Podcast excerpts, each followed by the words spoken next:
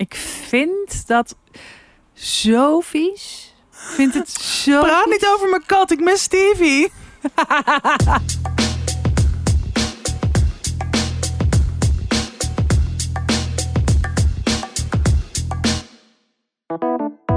Hallo en welkom bij weer een nieuwe aflevering van Tussen 30 en Doodgaan. Aflevering 101. We hebben het overleefd, de 100 gepasseerd. Gefeliciteerd. de 100 gepasseerd. Nogmaals, oh, allemaal. Oh, oh, oh. Wat een lieve bericht hebben we gekregen zeg, van onze luisteraars. Zo lief. Ja, Echt wel eh, ja, heel veel shout-outs. Maar ook heel veel berichten. Inderdaad, hoeveel mensen nou ja, gewoon al vanaf het begin wekelijks luisteren. Hoeveel ze eraan hebben. Dat ze de tips geweldig vinden. Echt ik moest heel, erg lachen dat, dat we ook heel veel mensen hadden die zeiden... ik heb me nog nooit ergens zo lang aan gecommit. Ja. Nou, geldt voor ons misschien wel hetzelfde. Ja, precies. Denk ik ook. Nou, jij met je andere podcast nog langer Oh. bezig. Nee, ook 100 afleveringen. Maar wij hebben natuurlijk eh, een hele, eh, nou, een half jaar die levensvragen of, gedaan. Hè? Dus Oh ja. daarom is het aantal al snel. Dus met eh, Dit komt nooit meer goed zit ik ook. Nu hadden we ook net de 100. Dat liep ongeveer gelijk. Oh dat ja. was dus ik had twee Grappig. jubilea. Gefeliciteerd, meid. ja, en Podemol had het gevierd met. Nou, het was verschrikkelijk. Die hadden een dood en doodenge video geknipt. Waarin je alleen maar eh, lachbuien van mij en Roos zag. maar echt doodeng. En mensen sturen altijd al boze mails dat we te veel lachen en te hard lachen. Dus Echt? Dacht: Oh, laat, laten we dat Dit gaan we even lekker eh, gebruiken. uitbuiten. Zo, ja. Waar is dit te was- zien? Nou, niet op mijn social media in ieder geval. Wel op Eh, die van hem Nee, ja het, was, het, ja, het was echt doodeng. Je hoorde alleen ma, ma, ma, hi, ha. Nou, sorry, maar Zo random. ja, echt random. Oké, laten we heel eventjes eh, eh, zien hoe jij erbij... Je hebt een soort van... Je haar zit los en je hebt een gloed op je gezicht. En je ziet Ook een er beetje maar toch? ontiegelijk gelukkig uit. Eh, ja, jij zit natuurlijk gewoon Ik zit in New York. Ja, het is gelukt. Het was, eh, Het is gelukt. Het was echt stress. Ja, jij weet het. Jij hebt het allemaal.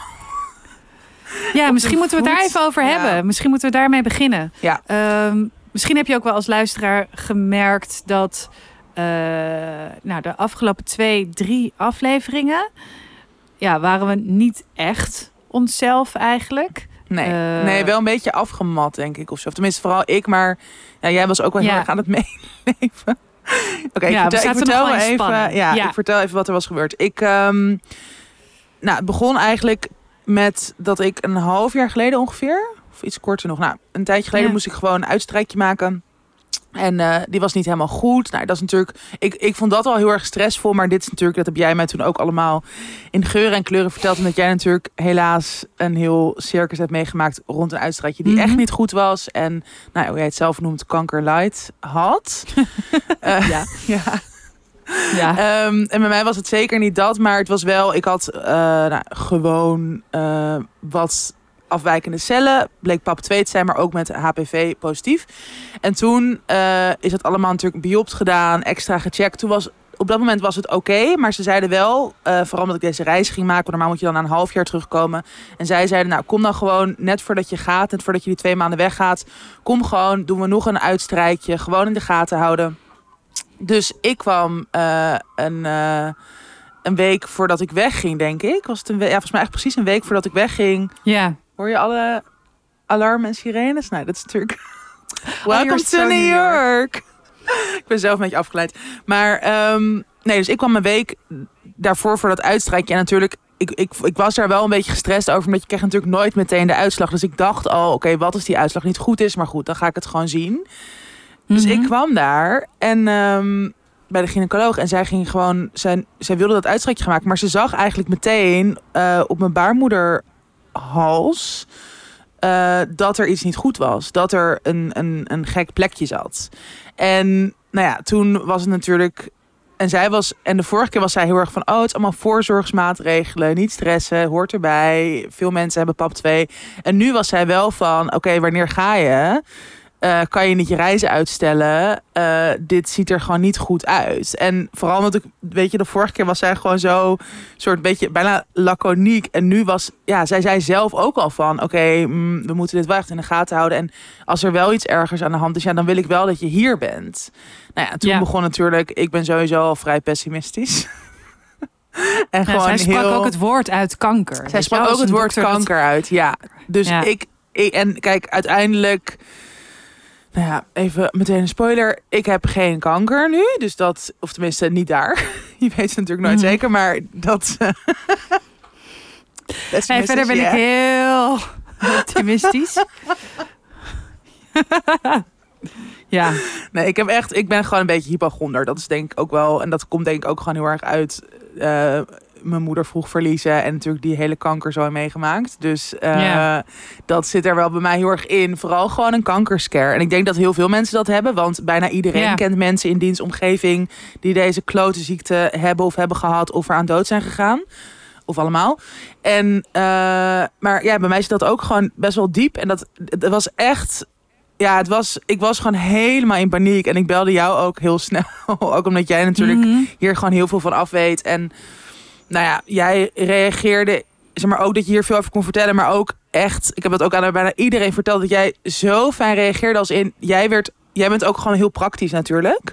Ehm, nee, niet alleen maar, maar ook praktisch. Mhm. En Ja. jij hebt gewoon, jij zei oké, ik ga nu meteen je reisverzekering bellen. Waar heb je een reisverzekering? Weet je, om gewoon te kijken wat de opties waren als het wel foute boel bleek te zijn. En of ik Mhm. weet je wel, want ik dacht ook meteen, ja, ga ik inderdaad wel naar New York toe? Wat als ik daar ben en krijg een slechte uitslag? Wat als ik de uitslag krijg net van tevoren en ik moet mijn reis afzeggen? Ik had natuurlijk ja, echt voor 4000 euro of zo al reis en accommodatie en zo gekregen. Dat is natuurlijk ja, super kut.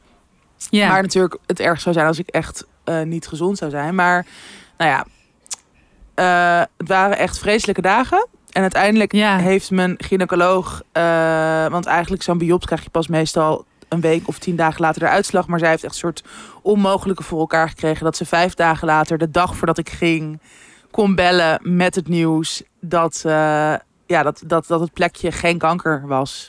En dat het Ja. waarschijnlijk door de HPV veroorzaakt is. Ehm, daar krijg je gewoon best wel snel irritaties of bijna een soort fratachtig plekjes van. Mhm. Eh, en Ja. dat heeft ze toen natuurlijk meteen weggehaald. Dus voor nu ben ik gewoon oké. En als ik terug ben, dan moet ik wel terug. Want ik heb nu wel pap 3a. Dus het is wel ja. iets omhoog ook. Die, of, of iets, iets ja, nog onrustiger die cellen. Dus ik blijf wel voorlopig gewoon in de loop. En dat is alsnog natuurlijk niet prettig. En ik vind gewoon, nou, dat zal jij beamen, dat weet ik gewoon. Maar alles in, in, in that area is gewoon... Mhm. Het is zo kwetsbaar. En ook Ja. omdat je natuurlijk heel lang eigenlijk in principe geen klachten ervan krijgt of zo. Ja. Eigenlijk is alles wat, wat met je eierstokken, baarmoeder, eh baarmoedermond, baarmoederhals te maken heeft. Zodra je klachten hebt, Ja, ben je vaak is echt, echt al laat. Ja. Is, het fout, is het echt foute boel, inderdaad. Nee, ja, ik weet nog dat jij... Ik heb jou van tevoren natuurlijk ook de hele tijd gerustgesteld. Van, het Ja. kan niet zo zijn dat je binnen, binnen drie maanden... dat het vanuit dat eerste uitstrijkje... daar was ik eigenlijk best wel van overtuigd. Weet Ja. je, ook omdat mij dat natuurlijk altijd zo eh, is verteld. En bij mij hadden ze ook gezegd van... nou, je moet in Nederland wel heel erg je best doen... om eh, echt, echt baarmoederhalskanker te krijgen. Wat ik een hele rare maar waar slaat dat op? uitspraak vind. Ja, want ik ken ook al in mijn omgeving... ken ik al best wel veel mensen... Ik die ook. het ook echt hadden. Ik ook. Echt Ja. hadden. En, En het is eh, ook nog eens zo, als je zo'n uitspraak doet, dan stel je krijgt het wel, dan Ja. voel jij een soort van de loser die wel iets Precies, fout nou, heeft gedaan of niet goed voor zichzelf mij- zorgt. Ja, dat, dat was precies bij mij, ook, bij mij zo ook aan de hand. En, maar ja, ik wist wel, jij bent al geweest, weet je wel. Dus, Ja. eh, dus, ik, dus ik dacht echt, dus ik, ja, ik had jou voor die reis heel erg gerustgesteld. Van, nou, eh, dat, da, daar moet je je echt geen zorgen om te ma- over maken. En toen, toen zij dus inderdaad had gezegd van ja, er is iets en ik zie het nu en het is waarneembaar. Dacht ik echt, oh, what the fuck. En ik dacht ook, nou, ik dacht twee dingen. Ik dacht, waarom, eh, ja, moest ik dat dan zo zeggen? Weet je wel? Hmm. Waarom gedraag ik me als een of andere dokter? Ga ik jou iets zeggen wat ik, wa- waarvan ik dus achteraf denk, nou, dat had ik helemaal niet moeten zeggen. Dus daar voelde ik me echt heel, heel rot over. Hmm. En, en ik wist gewoon, en dat, dacht gewoon, ja, dit is zo kut. En jij voelt je nu zo alleen, want je moet alleen wachten op zo'n uitslag. En daar kan je eigenlijk niemand, dat kan je echt met niemand delen. Nee. Dus die onzekerheid die je op dat moment voelt. Nou, en bij jou ha- hangt er dan ook nog zo'n reis aan. Ga ik wel, ga ik niet? Het was Ja. echt zo'n rare Twilight Zone. Want Ja, het is ook, ja, dat herken je denk ik ook wel met inderdaad dat wachten. En, en aan de ene kant is het ook van ja, je kan niet alleen maar daarmee bezig zijn vijf dagen lang. Want Ja. dan word je echt gek. Dan denk ik dat je dan Ja. een psychose of zoiets raakt. Dat je gewoon helemaal Ja. een soort. Maar het, het bleef wel zo'n parallel universum voelen. Want met alles wat ik deed, en natuurlijk ook vooral met soort voorbereidingen voor mijn reis of nog werkdingen afmaken. Dat ik dacht, ja, ja. voor hetzelfde geld zit ik hier volgende week nog en ga ik een of ander kankertraject in. Ik ben nu weer het kanker Ja. ja, tuurlijk ben je de hele tijd kanker. Kankertraject. Ja, Ehm, ja, Eh, dus dat is gewoon heel raar. Maar ja, nee, ik was zo blij. Ik was zo ja blij. jij was jij... echt. ik denk dat niemand zo, ja. behalve ik zelf, maar jij bleef ook echt maar dagenlang. Ben zo blij, ben zo opgelucht. Zo lief. Ja, maar- Jij Ja, bijna ik was- huilen. Ik jou eindelijk bijna aan het huilen gemaakt. Oh, dat vindt ze leuk hoor. ja, nou, ik was echt, he- nou, ik was, dat ik, ik was echt heel erg opgelucht. Want ik dacht, ik dacht echt, jij met je grote bek. En ik dacht, en dan heb ik jou daarmee opgezadeld. En ik vond het zo naar. Ik vond het zo naar. En ook het idee. Want ook gingen zo van die overwegingen maken. Van, dat ik dan zei, ja, ik denk wel dat je moet gaan. Ja. En dan kan je op je verzekering weer terug en zo. Denk je, dat gesprek met die verzekeraar was natuurlijk ook echt top. Want die kreeg, die kreeg een soort van al mijn stress. Ik probeerde Ja. bij jou zo heel rustig te Ja. blijven. Oké, ik ga het regelen, ik ga even je bellen. En zo krijg ik zo'n wijf aan de telefoon. Zo, die heb ik echt bijna door de telefoon getrokken. Dat ik zo, ja, jij bent Sjaak. Hier, mijn stress voor jou. Dat ze zei, ja, ik heb toch wel haar naam nodig. Ik zei, die krijg je niet. Die krijg je niet. Ik zeg, ik geef je een casus en jij moet daarop reageren. Je bent toch een verzekeraar? Nou, het sloeg helemaal natuurlijk echt. Ik werd door, Oh iedereen- my god. ik werd echt drie keer doorverbonden met eh, eh, allemaal instanties. Nou, het was hilarisch. Eh tot ik op een gegeven moment echt een hele lieve guy, ja, echt zo'n hele lieve guy in de telefoon kreeg. zei, oh, joh, ja, dat willen ze niet zeggen, want ze willen dan liever dat jij alles afblaast. Maar verzekeraars, het zijn ook gewoon boeven, hè, zei hij. Maar je krijgt gewoon alles terug, hoor. Ah. Cool. Echt zo chill. Nou ja, wel goed Ja. om te weten, want dit zijn dus ook echt van die dingen. Dat Ja. ik denk altijd, ja, het is je eigen verantwoordelijkheid. En zo'n reisverzekeraar, ja, daar krijg je misschien wel iets van. Maar eigenlijk is dat natuurlijk wel allemaal gewoon heel goed geregeld. En juist voor dit soort situaties. En je wil er Juist. natuurlijk helemaal niet afhankelijk van zijn of mee bezig zijn. Maar Ja, het is er niet voor niks natuurlijk. Ja.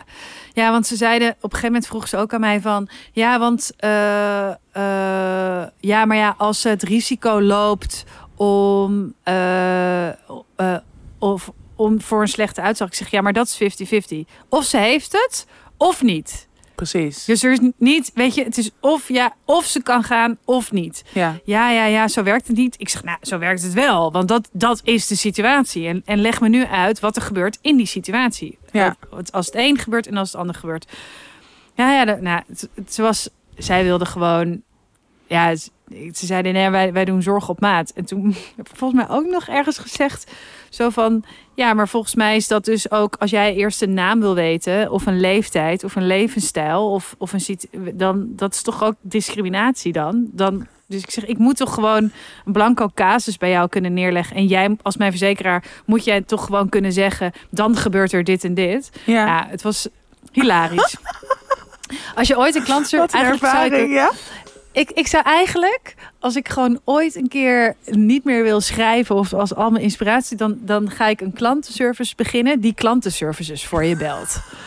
Dat lijkt me heel leuk, want volgens mij is dat echt gewoon de hele dag. Ja, weet je, het zijn wel mensen die er zitten, maar ze zijn ook gewoon getraind om, om een soort van bak stront over zich heen te krijgen. Het is Eh, echt een wereld aan zich. ja.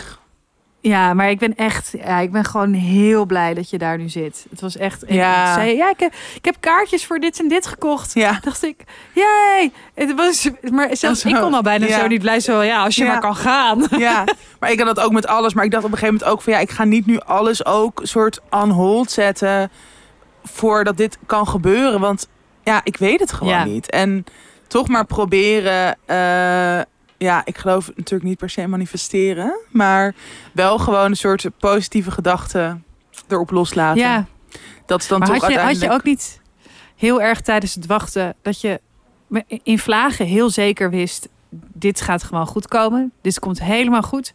Niks aan de hand, bla bla. En dan met vlagen denk ik, ik Ja. ga Dood. sowieso dood. Ja, ik ga 100% hartstikke die dood. twee. Dat, het ging gewoon de hele tijd in zo'n soort cirkeltje. Ja. Dan weer nee, het komt goed. Breathe through it. Ja. Ik ga gewoon, ik ben gewoon gezond. Ik ga alles doen wat ik wil. En het volgende moment, nee. Ik ga gewoon Precies, het allerkutste traject in en dan ga ik dood. En in deze staat heb jij dus drie afleveringen Ja, opgenomen. Dat dus. was dus in de tijd dat jij aan het wachten was. En dat ja je want wist... wij hadden ook nog... Eigenlijk zouden we volgens mij vier opnemen. Of ja, Ja, één minder gedaan. Maar we hadden dus alles in die laatste week gepropt. Ik zat Ja, er echt een soort kip zonder kop. Oké, robot, let's go. Mhm. Maar goed, het is, ehm, het is allemaal goed gekomen voor nu. En hopelijk voor heel lang. En ehm, ja, ik ben er. En het, het is, ja... Nou, ik wil eerst even dat jij nu iets gaat vertellen. Want ik heb echt zo monolooggevoel. Daar heb ik geen zin in. hoe Eh. zijn jouw... eh, hoe gaat het nu met je? Hoe zijn je week geweest? Wat wil je vertellen? Ja, kijk. Ehm, Kijk. Eh, kijk, dit is er gebeurd. Ik ging eh, natuurlijk... eh, ja, normaal gesproken hebben we een thema. En, maar nu gaan we gewoon inderdaad... We hebben een beetje een lijstje gemaakt van wa- waar willen we het over hebben.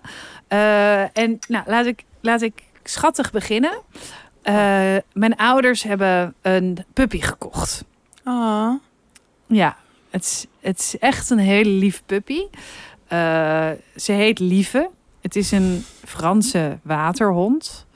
Zeg maar niks, maar cute. Eh, zeg maar ook niet whatever. Het, het schijnt dus dat dit een hond is die niet eh, zich focust op één baas, wat heel veel honden dan weer hebben. oh ja. Eh, maar gewoon iedereen heel leuk vinden en voornamelijk kinderen. Democratische hond. Leuk. Ja, een hele democratische hond, inderdaad. En nou, het is ook echt super schatje. Maar mijn ouders waren vroeger gewoon heel goed in honden opvoeden. Weet je wel, Mhm. heel consequent. Gingen Maar wacht heel eventjes. Ze hebben nu nog één andere hond, Ja. toch? Ja, precies. Ja, Bram. En dus nu hebben ze Bram en Lieve. Bram is Oh. een koningspoedel. Oh my god. En Lief, maar, maar de ouders dus- zijn zo al- extra. Ja, ja die, en, en Bram is dus eh 12. En koningspoedels worden 12, 13, 14. Dus zij wilden nu, ze wilden geen vervanger. Nou, Ja. Weet je wel zo. Dus op zich hebben ze daar goed over nagedacht. Eh, en, ehm, maar vroeger waren ze dus heel consequent in het eh, opvoeden van honden. Mochten niet op de bank, eh, niet bij het eten, eh, weet je wel, dat. Inmiddels is dat huis echt veranderd in een, in een soort van villa kakelbond. Wat in dienst staat van de Die dieren. hond. Oh kat, my god. Ja, de kat eet op de eh, eettafel, want anders pakt de hond dat. Bram heeft een eigen leren stoel. Dat ding is niet om tegenaan te gluren. Het is zo'n lelijke stoel. Ik heb nog nooit. Ik zou nog liever een elektrische stoel in mijn woonkamer zetten dan die stoel die mijn ouders in de woonkamer zetten. Maar dat is de stoel van Bram. Sorry, die zin. Het is de stoel van Bram. Het is de stoel van een poedel die daar dus op zit. En die dus ook een soort van ja, bozig wordt als ik op die stoel ga zitten. Dus vaak zit ik bij mijn ouders op de grond en zit de poedel op de stoel. Op zijn troon. Dus ja, oh, eh, wat maar leuk. oude hond, eh, oude hond, bla bla bla. Ik zou dit ook dus doen. nu, oh my god, dus nu heb- hebben ze lieve erbij. En toen zei ik, eh, hoe, hoe ging het s'nachts? Eh, Heeft ze veel gegild? Want ze komt natuurlijk uit een nestje, Mhm. uit een roedel. En nu is ze alleen of met Bram. Het is wel anders. Ze ligt niet meer tegen andere mensen aan. Nee, ging echt supergoed, eh zei eh, mijn moeder zo. En ik zo, ja, en heb je er dan in een bench of beneden? Of, eh, ja, ja, en ik, ja, ik heb er dan ja, naast mijn bed Hm? in een mand. En als ze dan begint te piepen, dan mag ze eventjes zo, dan krijgen ze even een ei. Dus ik, ik zweer het. Ik bedoel, deze hond. Ligt gewoon op je moeder de hele nacht.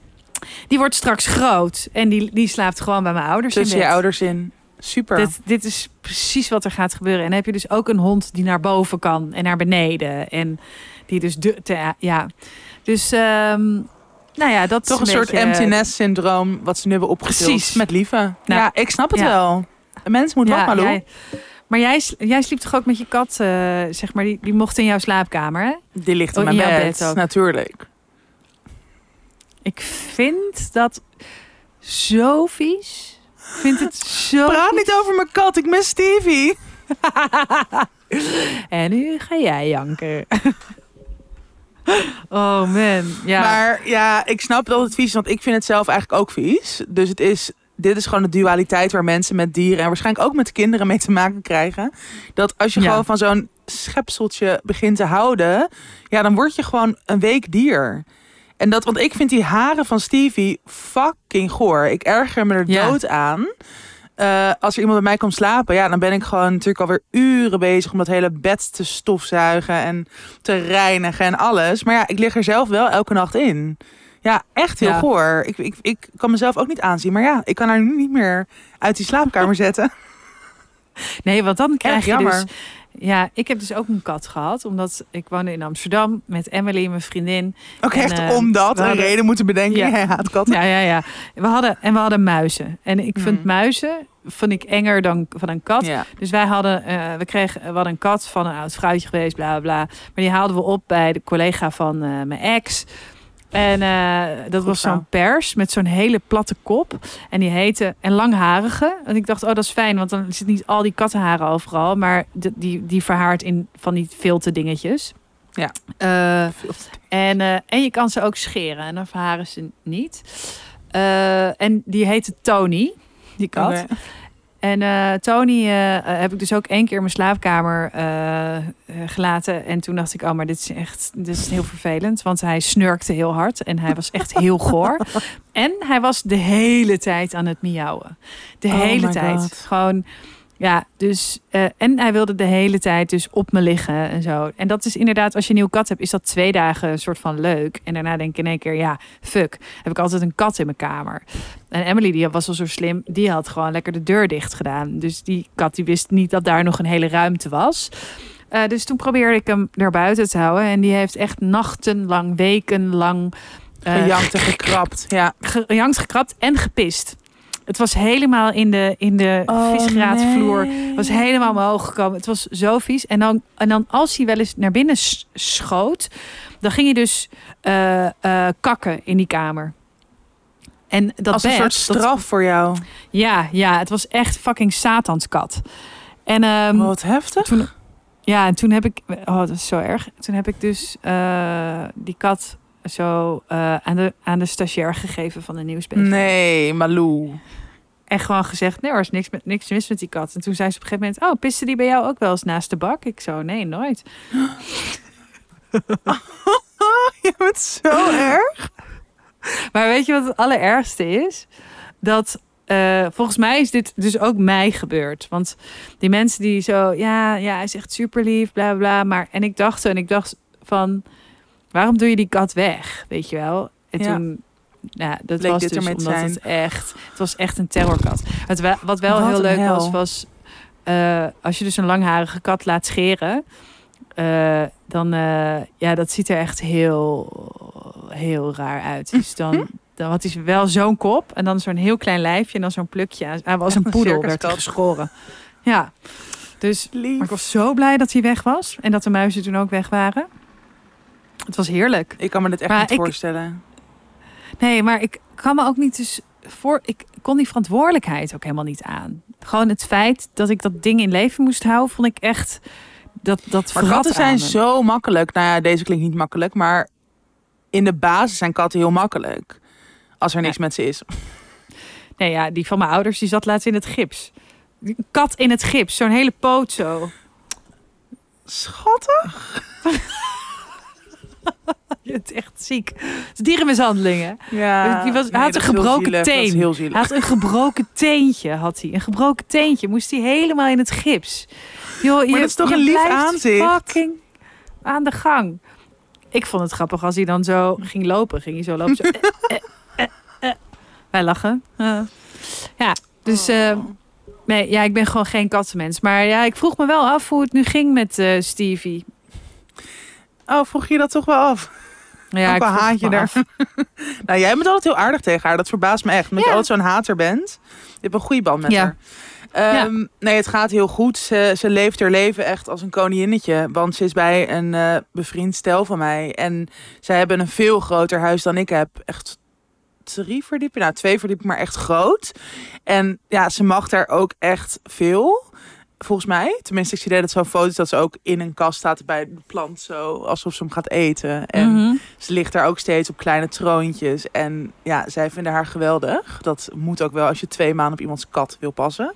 Ik vind dat echt ehm, respect.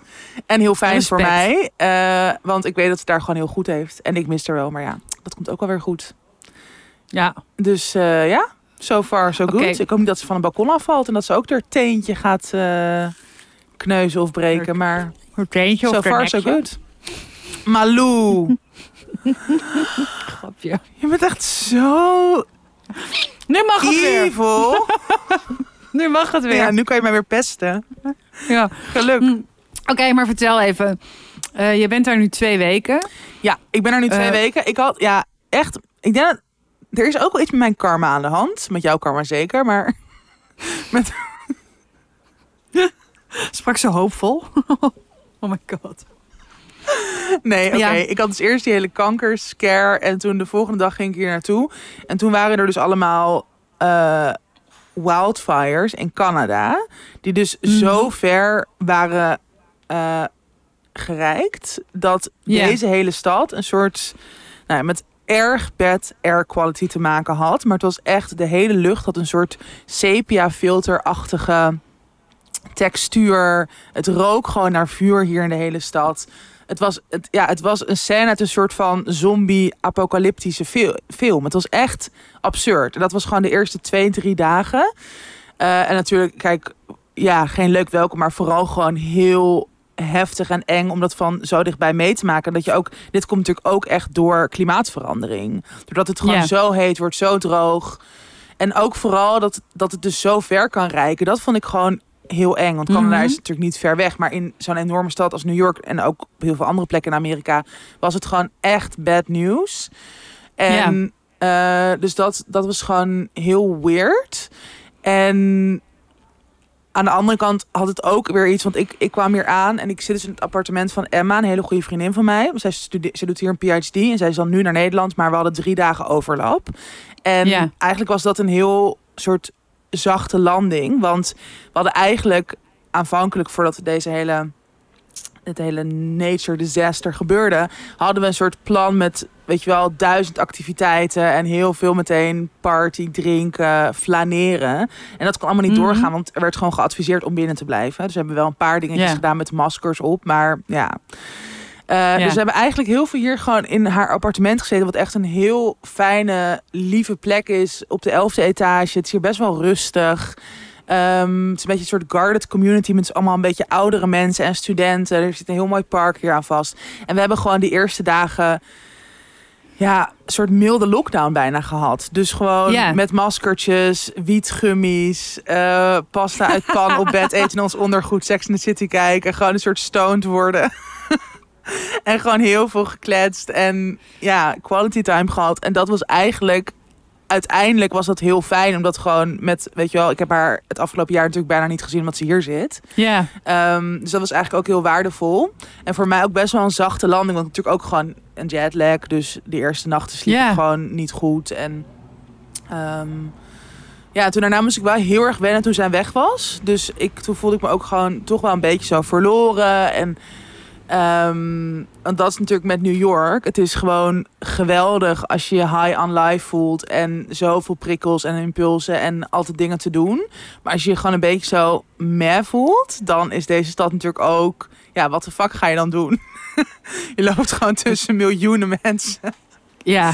Echt dat lost in Ja. translation gevoel van die film, toch? Dat je gewoon echt een beetje zo. Oh, Ja. wat doe ik hier En je eigenlijk? merkt ook, En je merkt ook dat er geen ehm, eh, gezondheidszorg is voor iedereen. Dat zie je Precies. in het straatbeeld. Je ziet gewoon veel meer eh, thuislozen en me- ja, gewoon echt inderdaad mensen op straat liggend met... Ja, ze zijn gewoon echt gehavend. Je ziet gewoon voeten die open, weet je wel. ze- Ja, het, het, is, het is heel naar en heel verdrietig. Mhm. En eh, ja, ook wel heel veel mensen die de hele tijd aanspreken om dingen te kopen of om, Ja. ja. gewoon om geld te geven. Dus Mhm. het is inderdaad... Doe jij dat dan? Geef je geld? Eh, als ik een paar dollars heb, los dan wel. Ja, eigenlijk Ja. altijd wel. Ik ook. Ehm, ja. Ik eh, merk hier in ehm, Antwerpen meer thuislozen dan eh, in Amsterdam. Mhm. Tenminste, meer zichtbaar. En dan ook vooral op mijn routes. Eh, eh, eh, want over de Mer eh, liep ik dan van het station eh, door de winkelstraat naar, naar mijn huis. En daar zitten dan, ja, daar zitten wel een paar die er eigenlijk altijd zitten. En dat wist ik dan van tevoren. En dan dacht ik, nou, ik hou gewoon even wat voor ze. En Ja. ook gewoon geld geven. Ja, eh, weet je, ik merk altijd dat. Ik heb wel eens, ik heb ook vrienden die zijn er dan heel erg principieel tegen. En, en dat vind ik heel naar. Dat vind ik altijd hele ik Ja. een beetje nare vibes. Ik ook, maar ook omdat ehm, gewoon dat hele... Dit, is, dit gaat weer erg over een soort eigen welzijn eerste idee. Nou, waar natuurlijk Ja. Roxanne van Ieper een boek over heeft geschreven. Ehm oh, zei ik heb geschreven? Heeft geschreven? Your Netherlands is ja, Nederlands weet je, echt het is zo. Zo slecht. Ja. Nee, maar... Ik kan liever Amerikaans praten. Ehm, nee, zij heeft daar een heel goed boek, essay over geschreven.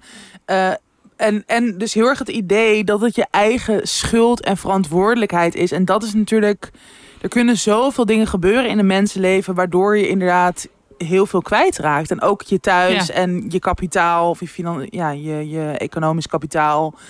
Ehm, je vangnet. Misschien, ja, ik denk daar zelf ook best wel vaak over na. Ik heb natuurlijk heel veel fijne vrienden, maar ook als je bijvoorbeeld geen ouders hebt, of inderdaad, je komt in een vechtscheiding terecht. Er zijn zoveel dingen die. En natuurlijk zijn er ook heel veel mensen Ja. die aan drank of, en of drugs verslaafd zijn. Maar dan is dat ook heel vaak. Ja, wie is daar voor zijn lol verslaafd aan? Weet je, dus het is ook. Ja. Ik, vind, ik word er ook altijd heel eh, naar en ook opstandig van als mensen dan daar een soort lecture over gaan geven. En ik Ja. heb ook wel de laatste, ook, ook nu ik hier ben. Dat heb ik laatst ook al gezegd, maar zo voelt het gewoon echt dat ik me zo geprivilegeerd voel dat ik dit gewoon kan doen. Dat ik gewoon twee maanden Ja. een fucking dure eh, stad kan zijn en gewoon het eigenlijk heel goed heb. En Ja. dan, ja, er zijn zoveel mensen die dat niet hebben, dus waarom zou ik dan niet 5 dollar geven? Ja, what the fuck. Nou, eh, eh, ik had dus laatst, ehm, omdat ik dus mijn eh, adres heb veranderd naar Antwerpen, eh, was ik, ik wil er een paar dingen over zeggen. Ehm, kan dat eventjes er tussendoor zo? Kunnen we dat tussendoor? Tuurlijk.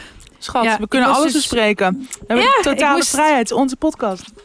Ja, ik moest dus naar Deurne en dan moet je eh, je aanvraag doen dat je hier wil wonen, dat je verblijfsvergunning wil. Nou, Mhm. ik ben binnen de EU.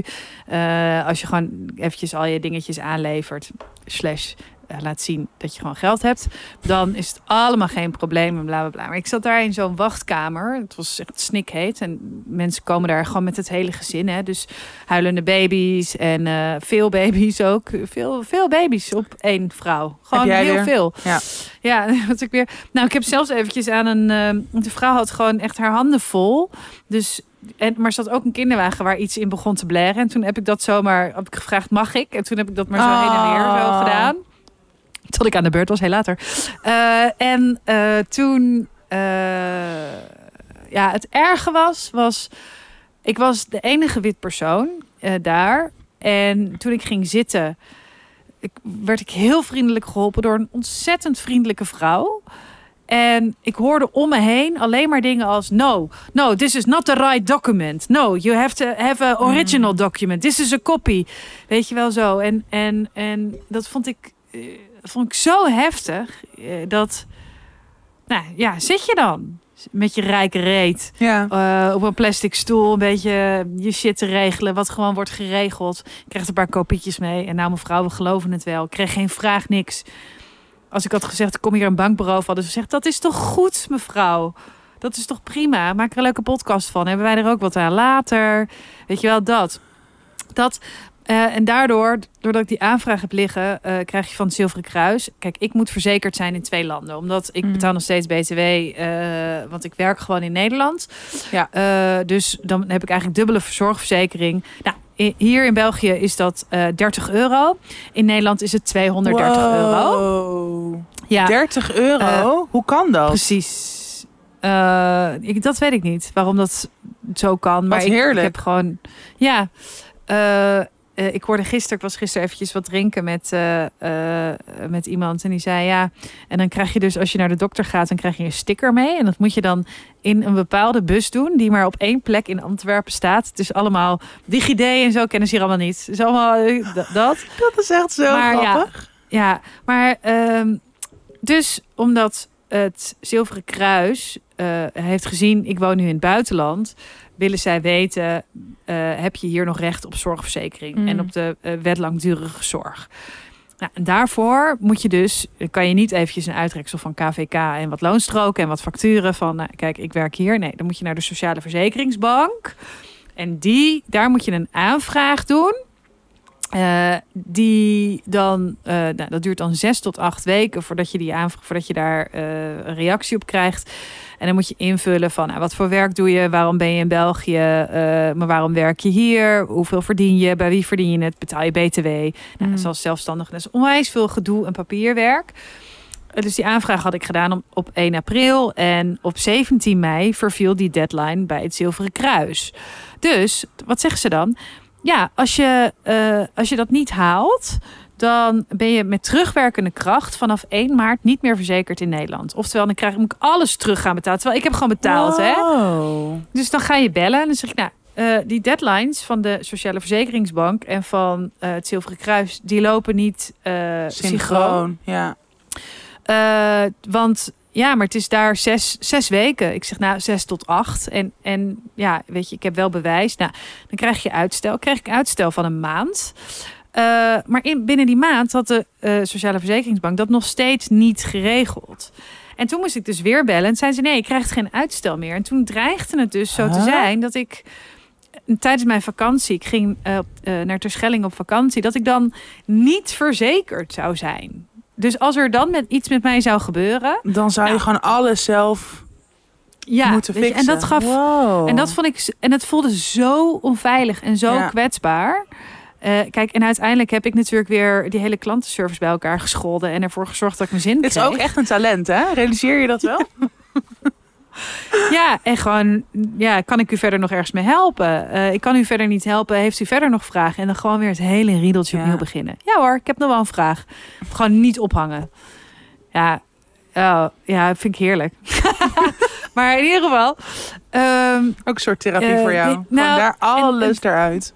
dus daar moest ik ook aan denken toen, toen, weet je wel, dat vooral in New York, vooral in die metro, Ja. dat je gewoon ziet, mensen zijn zo in de war of Ja. ziek. En eh, die hebben gewoon niks. En die hebben dus ook, die kunnen niet eens naar een dokter. En dat is zo raar. Ja. Eh, en dat, en nou, die moeten zich zo. Daar dacht ik dus aan toen ik dus heel even, toen het dreigde zo Ja. te zijn dat ik misschien even niet verzekerd was. Dat je dan echt denkt, Jezus, wat, eh, hoe, hoe onveilig en hoe kwetsbaar en hoe fragiel moet je je voelen Mhm. als je daar woont. En je hebt het eventjes, je bent eventjes aan de verkeerde kant van de familie geboren. Ja, vind ik echt heel heftig. Ja, Maar vertel verder, hoe leuk is is, het in New York? Nee. kan ik helaas niks meer zeggen. Ja, precies. staken. En dan ben je nog lekker veel uit geweest? lekker, le- lekker, heb je een lekker eh, avontuur beleefd? Mm, eh, Nee, ja, nee, ik ik ben eigenlijk... Ik, nou, ja, ik heb wel een paar keer gewoon dingen in de avonduren gedaan. Mhm. Maar ik ben, ik ben ook wel echt ehm, gewoon heel erg aan het chillen eigenlijk. Dus Ja. ik ben ook best wel de eerste anderhalve week lukte schrijven niet. Maar ja, boeien. Dat is dan maar gewoon even zo. Ehm, maar ik zit Ja. nu best wel goed in een flow. Dus ik ben echt veel met mijn boek bezig. En ik, heb, ik merk ook steeds dat ik dan... Ook als ik weet je wel, een middag in het park ga liggen met een boek. Of ik ga naar een museum toe. Of ik ga gewoon andere dingen doen. Dan krijg ik zo de hele tijd ideeën in mijn hoofd voor mijn boek. En dat is Ja, gewoon, goed. dat ken jij ook wel. Dat is zo'n lekker gevoel. En dat je, en dat daar merk ik ook dat het zo goed is om even hier te zijn. En veel meer tijd, ja, tijd voor mezelf te hebben. Om gewoon een beetje te lummelen. En dus na te denken over dingen. En dat, eh, ja, dat vind ik gewoon in Amsterdam of in mijn dagelijkse leven waar gewoon altijd zoveel gebeurt en zoveel mensen, zoveel dingen, zoveel andere werkdingen tussendoor. Echt veel moeilijker. En Ja. ehm, dus daarvoor is het ook gewoon heel goed om hier te zijn. Plus, ja, op een gegeven moment krijg ik wel gewoon inderdaad weer meer dat high on life gevoel. En er zijn best wel wat, dat heb ik ook al wel eerder verteld, maar best wel eens wat vrienden ook die hier zijn. En nou, vooralsnog is dat een hele goede balans. Dus ik was daar eerst een beetje bang voor. Ja. Maar iedereen gaat natuurlijk ook gewoon heel erg diens eigen gang. En kent ook weer andere mensen. Dus echt niet zo dat iedereen verwacht dat ik de hele tijd ga afspreken. Maar het is toch Ja. wel fijn om ook soms even Nederlands te praten. En gewoon eh, Bekend gezicht. een bekend gezicht. En ik heb hier nu ook al best wel wat mensen ontmoet. Ook een paar dates gehad. Een paar die echt fucking dom waren. Niet de mens zelf, maar gewoon domme dates. Oh. oh, maar wil je daar... Ik wil jou sowieso nog even, want we maken natuurlijk een extra voor de huiskamer. En ik lees een boek met Pepijn en een, eh, kijk een serie met Jules. zag en ik, het. eh, Ik heb echt zin om eh, dit te luisteren zelf. En ik bespreek een, een essay Met ja. met Rinsen. Dus zeg maar het hele team en de grootste vriend van de show. De grootste mopperkont. eh, onze grootste vriend en vijand, Pepijntje. die doet mee. En eh, eh, tegen zijn zin in, zei hij zelf. Eh, eh, maar, maar ik dacht, ja, wij moeten dan wel nog heel even... Maar zullen we dan jouw dates even bespreken in de huiskamer? Jou vooral, want ik ben goed. heel benieuwd wat een date dom maakt. Ja, ik kan wel wat bedenken, maar... Ja, het zijn wel geinige Lekker. verhalen. Maar goed, dus ik, ik, ik, dat- maar dat is dus een hele goede balans. Dus en veel tijd op en met mezelf zijn. En dan ook soms vrienden zien. En dus soms wel gewoon een date. Want dat is natuurlijk ook wel weer een hele andere vibe. Ja. Ehm, ja, dus ik vermaak me inderdaad heel goed. En de tijd gaat echt heel snel. Het voelt dus echt dat ik er echt vier, vijf dagen ben. Maar ik ben er inderdaad al twee weken. Bizar, hè? Ehm, Ja, echt bizar. Maar het is... eh, ja, ik heb ook niet zeg maar nu zin om naar huis te gaan. Maar ik denk wel ook gewoon vaak aan thuis en aan mijn huis. En aan gewoon de mensen daar. En dan... Daarvoor is het toch ook soms gewoon heel fijn en goed om weg te zijn. Dat je dat gewoon wel weer echt Ja. meer apprecieert. En dat ik denk, oh ja, ik heb ook echt heel erg zin om in augustus wel nog het, weet je wel, staartje van de zomer in Nederland mee te maken. En Ja, gewoon met jullie allemaal zijn. En ehm, Mhm. ja, dus ja. eigenlijk heel goed. Ja. Wat fijn. Hey, en ehm, heb je iets wat je zeg maar uit Amsterdam hebt meegemaakt? Tenminste, ik heb dat wel eens als ik wegga. Dat had ik nu ook toen ik naar Terschelling ging. eh, wilde ik gewoon even... Ik wil vaak op vakantie even iets achterlaten of zo. Weet je wel? Een Mm. gedachte of iets waar ik mee zit. Of iets... ehm, eh, ja, eh, dat. De- heb, heb jij dat ook? Of herken je dat? Los van de kankerzooi die eventjes achter je wilde laten. Huppa. Gewoon er weer in gefietst. Heel nice. Ehm, nee, ik heb dat nu niet. Of nou, niet nu meteen on top of mind. Ik heb gewoon. Het is bij mij altijd Ja. meer dat ik dat ik ik ik ben dus altijd ook gewoon en dat doe ik nu hier ook. Ik ben natuurlijk voor mijn boek bezig met schrijven, maar ik schrijf dus ook altijd heel veel in mijn dagboek. En daar komen natuurlijk Oh ja. wel gewoon zo reflecties van de afgelopen tijd of juist die ik dan inzichten die ik hier krijg. Die komen dan Mhm. voorbij, maar dat, ja, dat, dat zijn niet hele grote of hele duidelijke dingen van, oh, dit wil ik achterlaten of dit wil ik echt Ja. heel anders als ik terugkom of zo. Maar misschien komt dat natuurlijk nog. Ik heb ook wel, ik ga natuurlijk in juli nog 2,5 week naar Mart's Vineyard, dat eiland, waar mijn moeder dus ook heel lang Mhm. heeft gewoond, waar ik vorige zomer natuurlijk ook naartoe was. En ik denk, dat heeft de vorige keer wel ehm, toch wel echt heel veel gedaan. En ook in dus dingen loslaten en in een soort me zo vrij in mezelf voelen. Dus ik, ik hoop natuurlijk dat dat nu weer gaat gebeuren. Ehm, Ja. Dus daar kijk ik ook wel erg naar uit. Om daar nog echt even helemaal te zijn. En dat is natuurlijk ook, want nogmaals, ik, ik geniet echt enorm van New York en van de stad. Maar uiteindelijk, wat mij echt het allerrustigst maakt of meest ontspannendst is voor mij, is toch wel veel buiten zijn in de natuur. En ook dus heel erg Mhm. veel zwemmen in de zee. En dat natuurlijk, dat kan op het eiland eh, bij Ja, uitstek. heel Dus goed. Daar heb ik... eh, Ja. Jij bent ook net op eiland En- geweest. Ja, zeker. Ik wil nog één ding vragen over je dagboek. Hoe begin je met je dagboek? Zeg je lief dagboek? Nee. Of heeft het een naam? Nee. Dat vind ik altijd zo ten... Nou, dat is echt lullig, want heel veel mensen hebben het wel, maar... Voor mij voelt Anne het heel Frank, ten Anne Frank had het Ja, bijvoorbeeld. Bless her soul. Ehm, nee. Ja? Nee, Dat heb je- begint gewoon met alle schrijven. respect voor de mensen die dat wel doen. Met name Anne Mhm. Frank, maar ook andere mensen. Iedereen moet lekker doen eh, wat diegene zelf wil. Maar voor mij is het gewoon datum opschrijven en inderdaad meteen Oh ja. met een gedachte beginnen. Of met iets van, oké, wat de fuck gebeurt er allemaal? Vandaag zei Malou iets heel lulligs Ja. in de podcast. Nou, dat, dat zou ik, eh, zo zou ik zeker kunnen beginnen. Vooralsnog is dat niet aan de hand. Maar ik weet niet wat je nog allemaal gaat zeggen straks. Ja, ja. Maar hoe Nee, was Ter. Schelling? Ja, het was... eh, eh, ik hou zo van het eiland. Ja. Ehm, het was echt ontzettend fijn. Eh, en kijk, wij boeken altijd het, hetzelfde hotel. Maar, maar ik geef Rins altijd, want dat durf ik dan weer niet. Ik geef Rins altijd de opdracht: wil jij het hotel bellen en zeggen: Hoi, ik wil even checken of we dezelfde kamer hebben die we hebben geboekt. Ja, want ik, ja, Zo ik vind het gewoon heel fijn om te weten ehm, waar mijn bed staat, aan welke kant van de muur als je binnenkomt. Vind, vind ik echt heel belangrijk waar ik lig ten opzichte van het Zo raam en de deur. En ja, I know. En ik, ik, eh, eh, je kan mij niet gestrester krijgen dan eh, bijvoorbeeld ehm, als je, je je stoel van het, van, je vlieg, van het vliegtuig nog niet hebt. En je Mhm. staat dan zo in, in de rij. En dan denk ik, oh, ik, ik wil wel gewoon bij het raam zitten. Of weet je al zo. Of ik wil niet. Er zijn een paar plekken in het vliegtuig waar ik echt niet wil zitten. En omdat je dat soms van tevoren niet kan eh, boeken. Omdat je nog niet kan inchecken. Ja, Ja. ik krijg daar echt. Ik kan daarvan wakker liggen. Dat geeft bij mij zoveel onrust. Niet Mhm. weten waar ik eh, zit. Ehm, dus ja, ik vraag dan altijd aan Rinsen of hij. ehm, Even belt. Even belt. En dan eh, dat checkt. Nou, we hadden gewoon netjes weer eh, kamer 009. En eh, dus ja, ik vind dat gewoon echt, echt, echt ontzettend fijn. maar het voelt dan ook en, gewoon bijna een beetje als, als je tweede huis. Omdat je gewoon Ja, precies, je weet, je neemt natuurlijk ook helemaal zo mee hoe je de voorgaande keren daar hebt gevoeld. Wat dus positieve ervaringen zijn, want anders ga je niet terug daar naartoe. Eh, nou, ik ben ook echt Oh. fucking ziek geweest. Dus ik heb daar ook toen twee dagen op de badkamervloer gelegen. oh ja, maar dat was vorig jaar, dat weet ik nog. Oh my god. Dat was zo heftig. Ja, ik was. Toen was ik ook zo. Ik was zo ontzettend doorgestrest daarvoor. Ja. En ik had zoveel te hard gewerkt. Dat je dus ga je op vakantie en dan komt alles eruit. Alles letterlijk. eruit. Ja, ja. Ja, ik zat nu ook wel onder het eczeem hoor en zo. eh, eh, maar ik dacht ook, ja, ik ben gewoon, ik heb iedere avond eh, lag ik voor twaalf in mijn bed. Ik werd voor tien en niet wakker. oh, wat en ik heerlijk. heb alleen maar geslapen.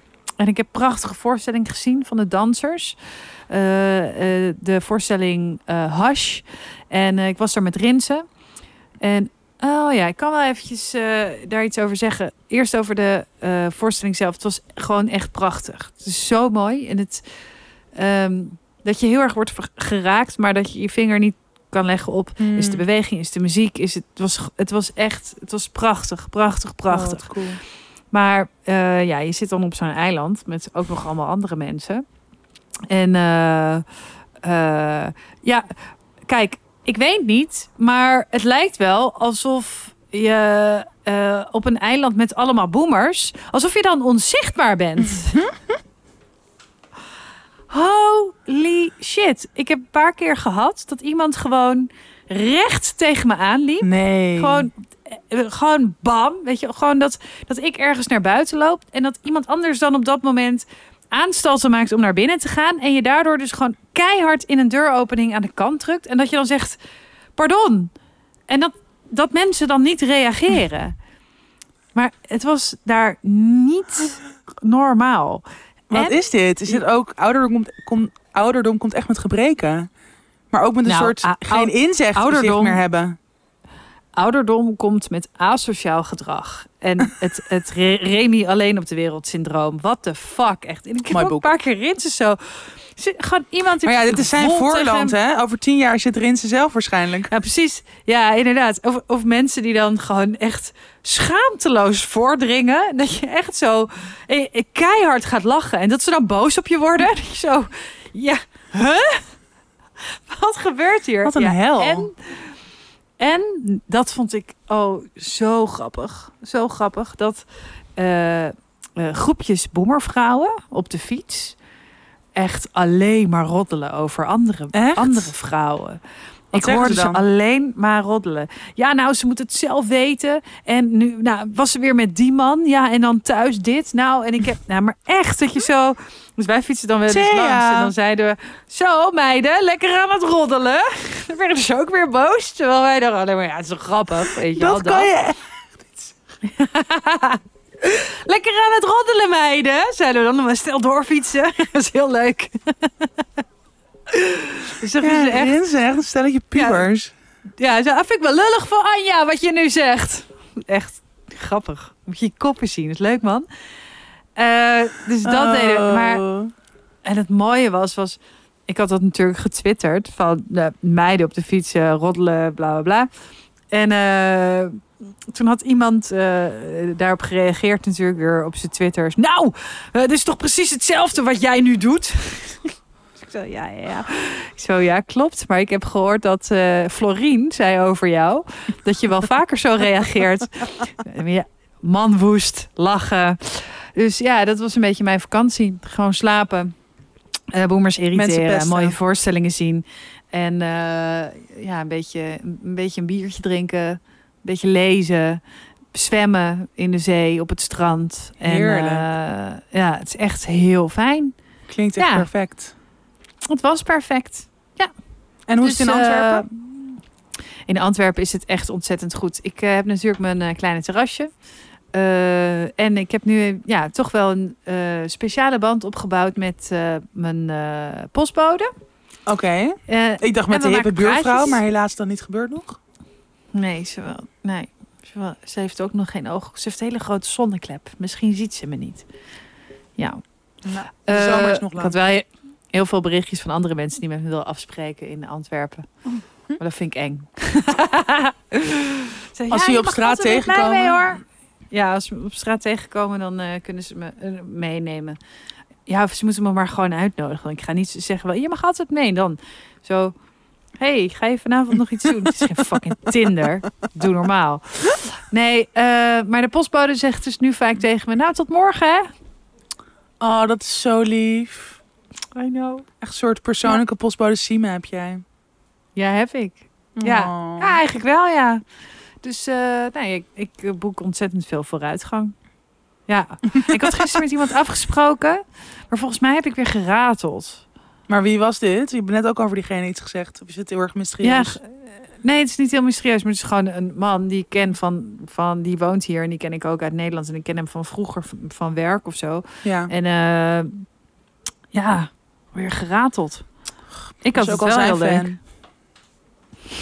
Nou, niet, niet echt. Niet direct, maar... Maar heb je dat wel eens dat je zo denkt... Oh, ik vond het echt super gezellig. En dan later zo... Oh, Mm. ja.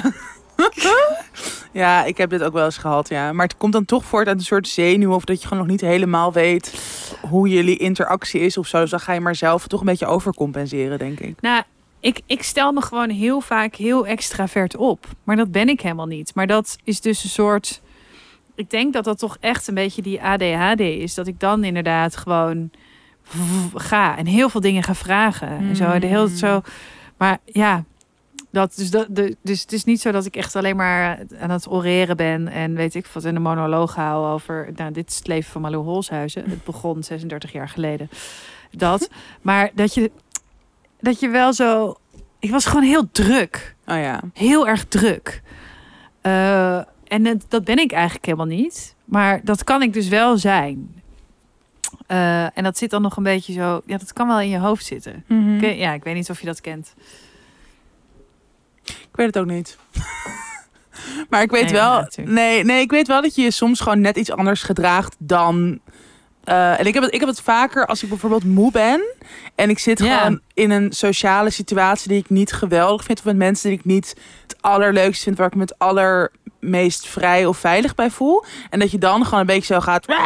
Weet je dat. En dat is niet per se Ja. raadselen. Maar het is wel gewoon een soort overdreven gedrag. Wat niet helemaal echt is. Ja, ik Dus dat ken ik zeker wel. Ik word gewoon dan met terugwerkende kracht de volgende dag. Als ik dan gewoon weer lekker mijn introverte zelf ben met mijn ramen dicht en mijn computertje op. aan. En jazzmuziek op. Dan denk ik, wow, ik word echt met terugwerkende kracht moe van mezelf. Hoe zal hij dat wel niet hebben ervaren? Oh my god. Dat. Maar het is niet zo dat ik dan zo-. Hoi, eh, vond je het ook zo gezellig gisteren? ja, weet ik veel. Nee, maar het is ook dus niet zo dat ik me dan heel... Ik denk ook van, oh ja, maar dit ben ik dus ook. Het is niet Ja. zo dat ik niet zo ben, want ik eh, vertoon dit gedrag ook weer met regelmaat. Dus dit ben ik ook gewoon. Maar kan dan... eh, ik zit dan mezelf eventjes in de weg. Want het maakt me ook weer geen reet uit. Weet je, wel, of hij mij nou zo heel aardig vindt of niet. Ik denk, oh ja, het was, super gezellig. Dus ja. dat. Eh, dus dat. Oké. Oké. Nou, laten we verder gaan. We zijn immers pas een uur aan het lullen. My god. Op zonder thema. Naar de tips. Tips. Tips, tips, tips. Ja. Wat tip jij? Ik ben dus heel veel aan het lezen, ook eindelijk weer. eh, waar ik erg van geniet. Vijf boeken door elkaar heen. En één boek heb ik hier gekocht. En het heet eh, Cleopatra en Frankenstein. En het is het debuut Mhm. van eh, Coco Melor. Merloors? Mellors. I don't know how to pronounce it. Maar het is een, eh, een debutant, jonge vrouw. En het is best wel een gehyped boek. In ieder geval in mijn bubbel. Ik zie het echt nu, nu ik het ook zelf heb gekocht. Maar op Instagram de hele tijd voorbij kan bij mensen. Maar het is wel echt een fijne roman. Het, eh, het begon... Het plot is ook iets cli- clichématig. Althans, het gaat over een twintiger die met een, een, vrouw, twintiger, die met een man van in de veertig gaat. Dus dan, Mhm. ja, ik weet niet. Ik ben daar ergens dan ook een beetje klaar met dat soort verhaallijn. Dat het gewoon, Ja. ja, toch, toch een beetje weer vanuit die male gaze of vanuit een soort cliché, jonge vrouw, oude man. Maar ehm, het plot verder is wel interessant, want het gaat over een eh, jonge kunstenares. Ze heeft een, een studie hier gedaan in Amerika, in New York. En zij eh, ja, staat op het punt dat ze haar studie- of werkvisum verliest. En dan ontmoet ze dus deze guy. En zij krijgen gewoon een relatie omdat ze elkaar dus wel gewoon leuk en interessant vinden. En Mhm. dan vraagt hij of zij met hem wil trouwen. En het is dus deels voor dat visum eigenlijk, of voor die green card. Maar het is ook Ja. deels vanuit liefde. En dan, het is de hele tijd een soort van spel daartussen van... oké, maar hoeveel betekenen ze echt voor elkaar? Waar bestaat hun relatie uit? Is dat diepgaand genoeg om dit, weet je wel, vol te houden? Of gaat het dus vooral om die transactie? En het gaat ook heel erg veel om verschillende mensen in hun omgeving... die met allerlei dingen worstelen. Het gaat ook heel erg over mentale gezondheid. Zij gaat eigenlijk heel vroeg in het verhaal van de antidepressivum af... omdat ze denkt, ik ben gelukkig, ik ben vrij, ik ben verliefd. Dat kan wel. Maar ja, dat is natuurlijk eigenlijk nooit een goed idee als je dat echt nodig hebt. Dus er zitten best wel veel verschillende thema's en spanningsvelden in. En het is wel echt goed geschreven. En dit is ook, ik heb het dus hier gelezen in het Engels. We hadden het daar natuurlijk laatst ook al over. Dat het soms best wel fijn is om je Engels een beetje op te krikken. Om dus in het Engels te lezen. En dit is daar ook echt een perfect boek voor. Want het is gewoon een roman die je wil gewoon verder lezen. En het is ook, het is niet te soort intellectueel hoogdravend taalgebruik. Maar het is ook...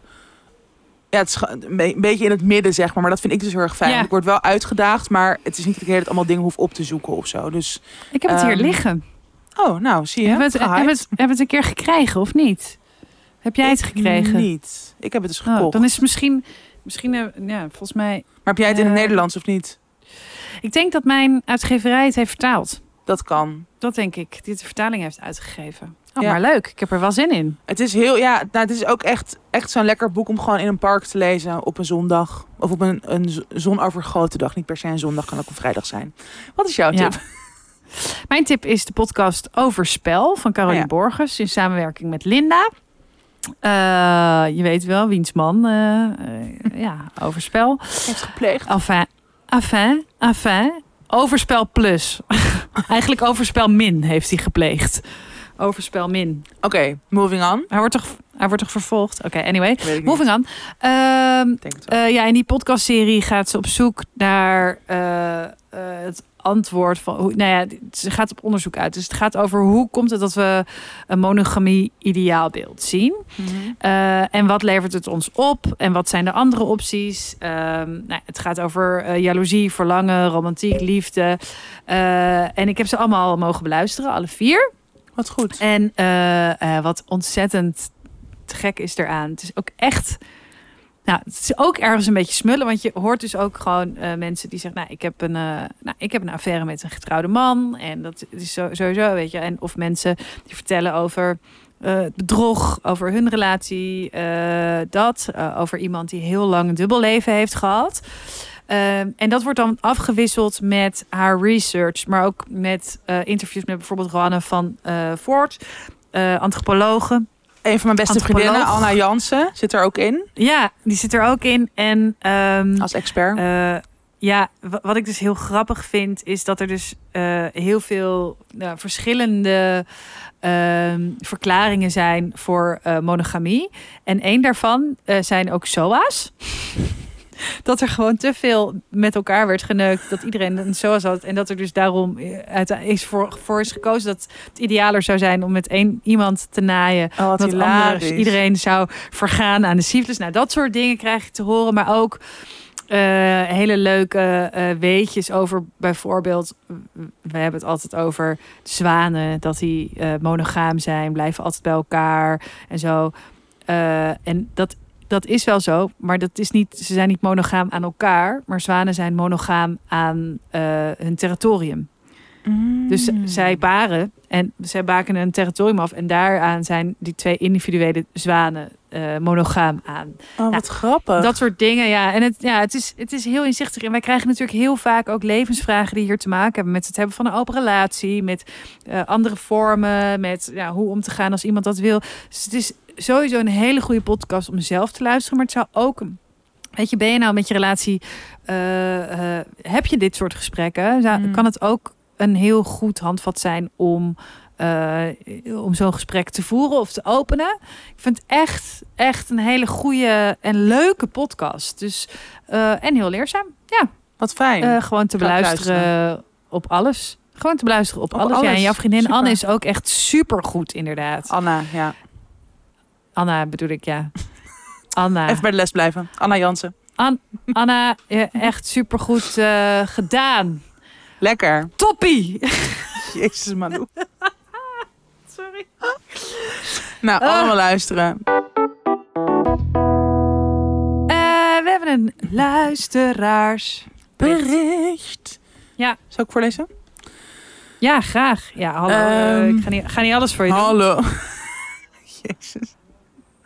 Ehm, nou, er staat iets over de honderdste aflevering, maar dat is er helaas afgeknipt door jou. Iets met de honderdste aflevering. Ik luister elke week met veel plezier. Top. Ik ben en ik, ik heb een enorm probleem en ik kom er echt niet uit. Al maanden niet. Mijn partner zit in een tweestraat nadat twee strijd nadat hij gevoelens heeft gekregen na een tijd dat we even veel ruimte hadden. Echter zijn we wel nog gek op elkaar. Hij is verscheurd tussen wat hij moet doen en we zijn al bijna drie maanden verder. Ik merk dat ik er kapot van ben. In mijn ogen is hij alles wat ik wil en dat zie ik niet door een roze bril. Ik heb er veel naar gekeken en over nagedacht, maar kom steeds daarop uit. Mijn probleem is dat ik zo heartbroken ben over de situatie en als het slecht eindigt, weet ik niet hoe ik mezelf moet redden. Hulp zoeken is optioneel, maar komt pas in oktober. Ik heb dus geen hechte vrienden na een intens verleden en veel mensen kwijtgeraakt te zijn die niet konden omgaan met mentale ziekte. Nu is alles oké. Aan familie heb ik alleen mijn moeder nog. Hoe houd ik me staande? Ja, Bijzondere vraag. ja wel Ehm, heftig lijkt me als je inderdaad zo het gevoel hebt dat je er dan toch wel aan de basis echt alleen voor staat. Of dat je dus niet ja, heel erg en dus zo, hebt. zo ontzettend bang ben iets kwijt te raken. eh, dat je eigenlijk alleen nog maar daaraan kan denken. En ook eigenlijk dat het aller, aller, allerergste wat je kan overkomen, dat maakt. Dat je dus Mhm. eh, dat hij dus misschien niet voor jou kiest. ja. Ehm, ik denk dat we het daarover hebben. Hij heeft gevoelens gehad voor iemand anders. En hij weet nu zelf ook niet uh, wat, wat, hij, precies mee wil wat doen. hij moet doen. Ja.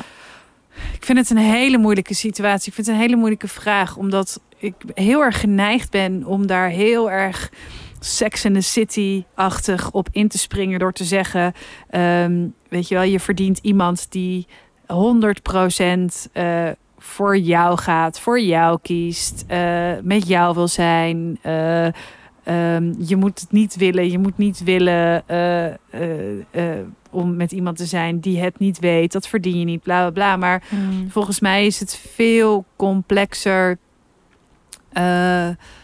dan dit. En dat denk dat als wij nu zeggen, ja, dat weet je wel, het, het kan zo voelen dat, dat hij de enige is en alles is wat je wil, maar er bestaat nog zoveel meer. Dat je, daar, daar heb je natuurlijk nu. Nee, dat komt ook niet Niet zo heel veel aan. Ja, um, maar ik denk wel dat. Uh, um, kijk, er zit heel veel angst hierin. En ik denk dat wat je een beetje zou moeten of kunnen, je moet niks, sorry, uh, kunnen proberen is om, om er uh, een beetje los te komen van de situatie. En, en een beetje uit te zoomen op wat, wat is hier nou aan de hand. En uh, wat voor relatie wil ik?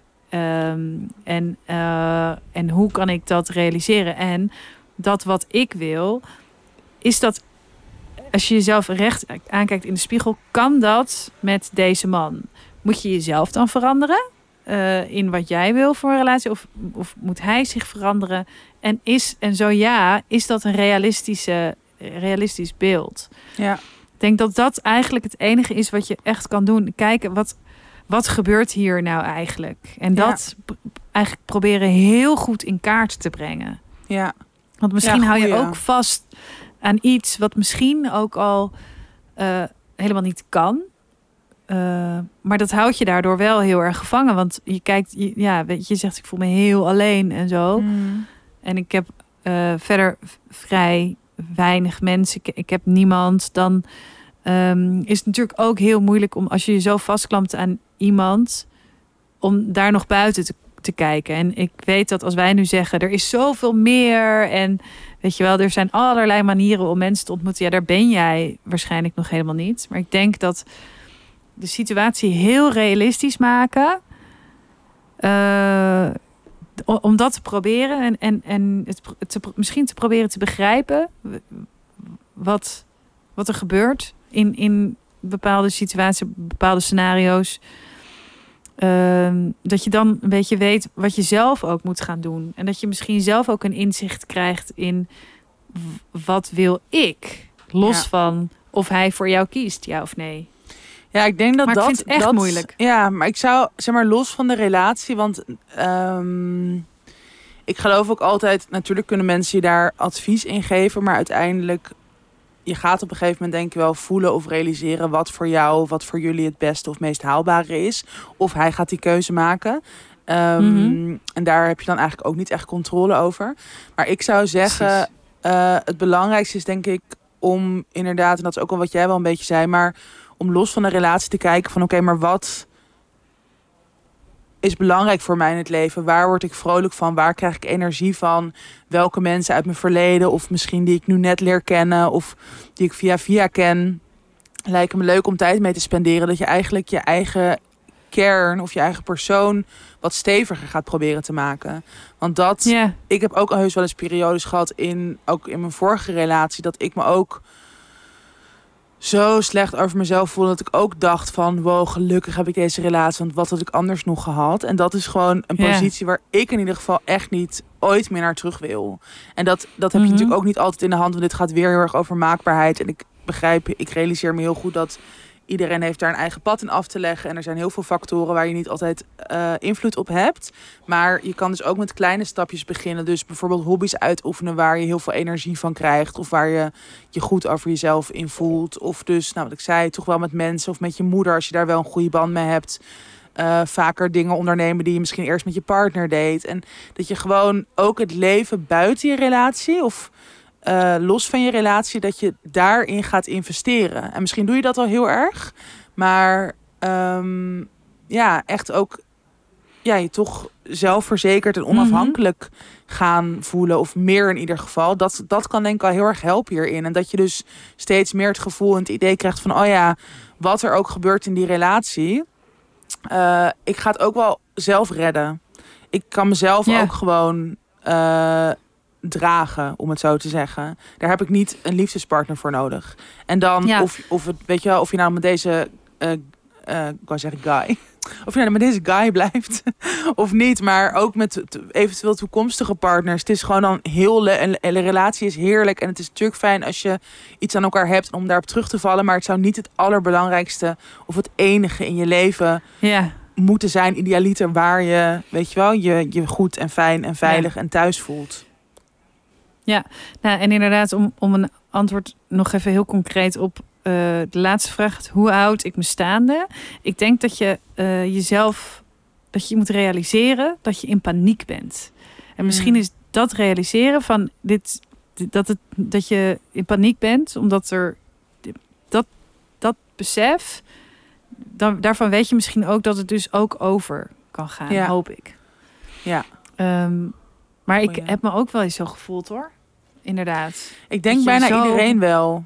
Ja, Dat, en dat, dus het is ook, het is helemaal niet erg of iets om je voor te schamen of te denken van, oh, ik ben, weet ik veel, eh, geen goede vrouw of feminist of whatever, want ik ben niet onafhankelijk genoeg. Of dat, kijk, iedereen Mhm. heeft dit soort momenten, denk ik. Eh, alleen Ja. het is wel heel fijn om je daar bewust van te zijn en om te kijken van hoe kan ik daar wel, eh, ja, iets, iets, iets naast zetten. Niet per se tegenover, maar Mhm. gewoon hoe kan ik ja, mezelf eigenlijk een beetje opbouwen. Of, en het is heel goed dat, je, dat die hulp er aankomt, maar dat duurt dan inderdaad nog bijna een half jaar of nou, vijf maanden. ja, Eh, dus dat, ehm, ja, ik zou daar niet zeg maar in die zin op zitten wachten dat je dan in de tussentijd het zo laat. Want daar klinkt het wel inderdaad vrij onhoudbaar voor, alsof je je gewoon heel ongelukkig voelt. Dus ehm, Ja. ja, ik, nou, Nou, en die podcast van die podcast over spel, dat, dat zal je ook nog wel, weet je wel, eh, je moet je ook een beetje voeden met nieuwe inzichten en verhalen van anderen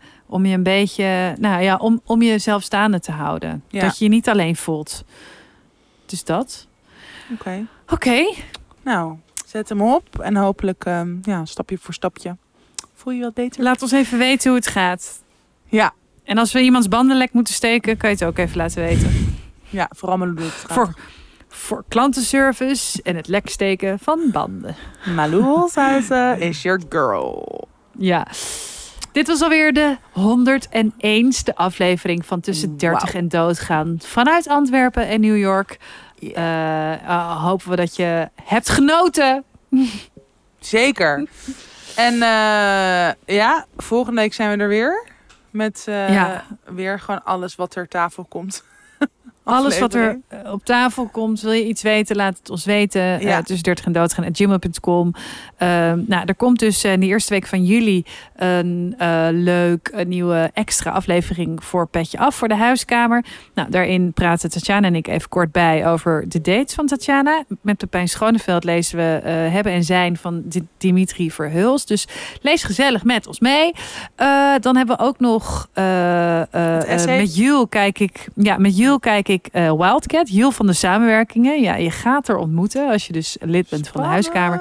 En eh, met- met Rinse bespreek ik een eh, essay uit de New Yorker. Dat gaat over wat de status van je huis en je inrichting en hoe je daarmee omgaat, zegt over wie je bent. En over de relaties die je hebt. Dus ik ben, het is Heel heel grappig. want Ik heb grappig. nog nooit iets persoonlijks met hem opgenomen of zo. Dus Ik ben hier zo benieuwd naar. Hij is natuurlijk. Ik heb dus wel met Rinse gewerkt en we hebben wel samen radio gemaakt, Ja. maar dan was hij mijn, sidekick. Dus eh, ja, nu gaan we dat eventjes eh, bespreken. Ik ben heel benieuwd. Zeer Dus, benieuwd. eh, ik ook. ja. Ik ga luisteren. Mocht je nog niet lid zijn, petje af slash tussen 30 en doodgaan. Ja, en ik zie jou eh Een later. paar Oh, eurotjes per maand. Een paar eurotjes per maand. 2 euro per maand, inderdaad. En volgende week zijn we er weer. Wat wilde je nou zeggen? Oh ja, ik moest gewoon heel erg om jou lachen. Dat wilde ik nog zeggen.